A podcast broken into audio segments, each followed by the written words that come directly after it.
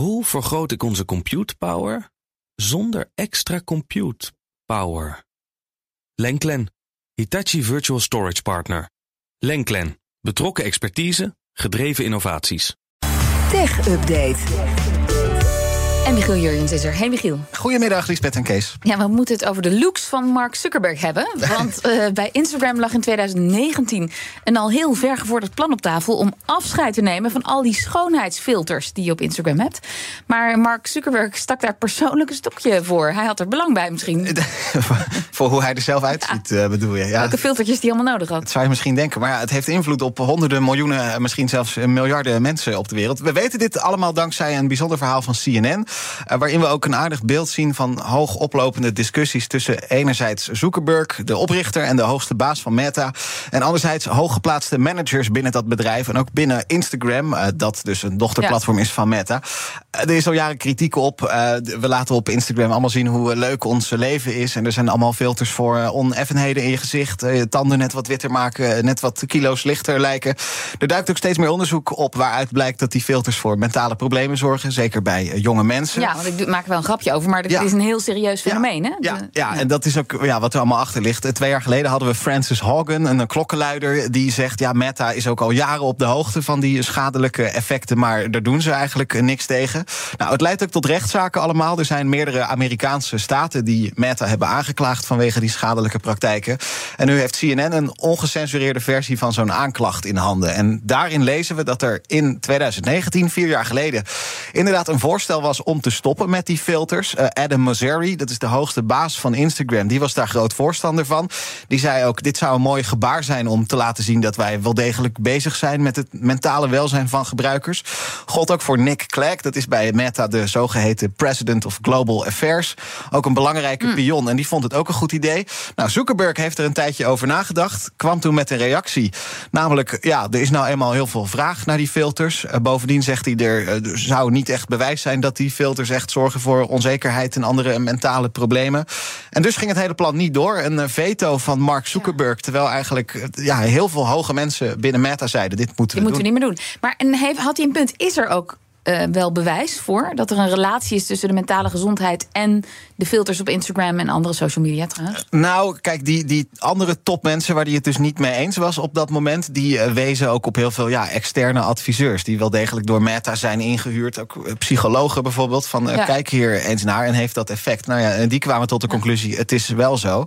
Dus het is uiteindelijk een beetje een wel eens niet dus geworden. Maar er is wel degelijk data. er zijn wel degelijk experts die zeggen: ja, dit is wel zo. Ja. En, maar dat zegt dus ook dat zo'n veto van Zuckerberg, dat hij nog steeds heel strak de teugels ja. daar voert. Ja, ja, hij bepaalt alles. Hij is de baas. Het is twintig jaar geleden dat hij als student Facebook oprichtte. De meerderheid van de aandelen is nog steeds van hem.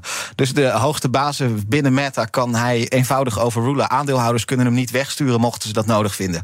Uh, en toch opvallend, meer dan de helft van de mensen op aarde gebruikt de technologie van Meta. Iedereen die WhatsApp heeft, is in feite klant van Meta. Het is één man die bepaalt uiteindelijk. Dat blijkt weer uit dit verhaal. Nou, voor een andere oprichter dan, maar dan bij Apple. Steve Wozniak, dat is de man die samen met Steve Jobs Apple oprichtte. Die ligt in het ziekenhuis in Mexico. Ja, is gisteren opgenomen in een ziekenhuis in Mexico-stad. Merk uh, meldde uh, Reuters. En uh, daar zijn ze ook weer CNN. Hij was daar om een praatje te houden op het World Business Forum. Dat vindt daar plaats. Maar vlak daarvoor werd hij dus onwel. Is naar een ziekenhuis gebracht.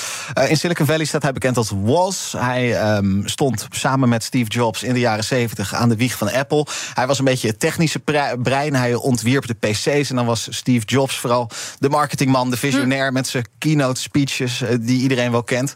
Een paar maanden geleden was deze Steve Wozniak ook in het nieuws. Hij was een van de bekendste ondertekenaars van een open brief.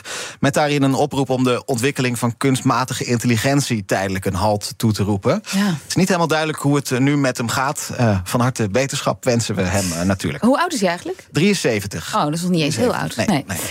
En dan, na 14 jaar, is het doek gevallen voor videochat platform Omegle. Ja, is opgericht in 2009 door een Canadees, Leaf K. Brooks. En het bijzondere aan uh, Omegle was dat je daar niet naartoe ging om met uh, vrienden of met bekenden te praten. Maar je werd juist willekeurig aan vreemden gekoppeld. En daar kon je dan mee chatten. Dat kon met tekst, het kon ook met beeld. En als een van de twee het wel mooi geweest vond, dan kon je dat gesprek ook weer makkelijk beëindigen. En dan ging je naar de volgende. Misschien dat de naam chatroulette jullie iets Oh ja, zegt. Dat, ook lang geleden. Ja, werkt eigenlijk volgens hetzelfde principe. Uh, die oprichter uh, die had ooit hele mooie idealen toen hij dat opzette. Dat vergeleek hij dan met willekeurige ontmoetingen op straat. Uh, daar kunnen hele mooie dingen uitkomen. Er zijn genoeg films uh, waarin het scenario zo loopt. Maar in de praktijk op dat Omegle uh, gebeurde heel veel schimmigs. Kun je je misschien iets bij voorstellen? Het is ja, ik heb anoniem. er verhalen over gehoord. Ja. Het is allemaal niet heel fijn. Ja, ja, dus ja, mensen die dat platform gebruikten om met de minderjarigen in contact te komen. Veel ja, smerigheid gebeurde daar gewoon. Het leidde ook tot rechtszaken.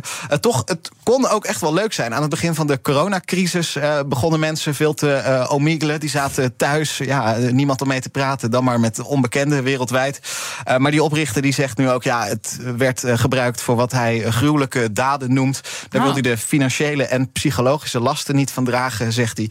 En dus ligt uh, omegle.com, het heeft 14 jaar bestaan, er per vandaag uit. En uh, waarschijnlijk ook voor altijd. He created a monster. Nou, wel een beetje, ja. Dankjewel, Michiel. De BNR Tech Update wordt mede mogelijk gemaakt door Lenklen. Lenklen. Betrokken expertise, gedreven resultaat. Hoe vergroot ik onze compute power zonder extra compute power?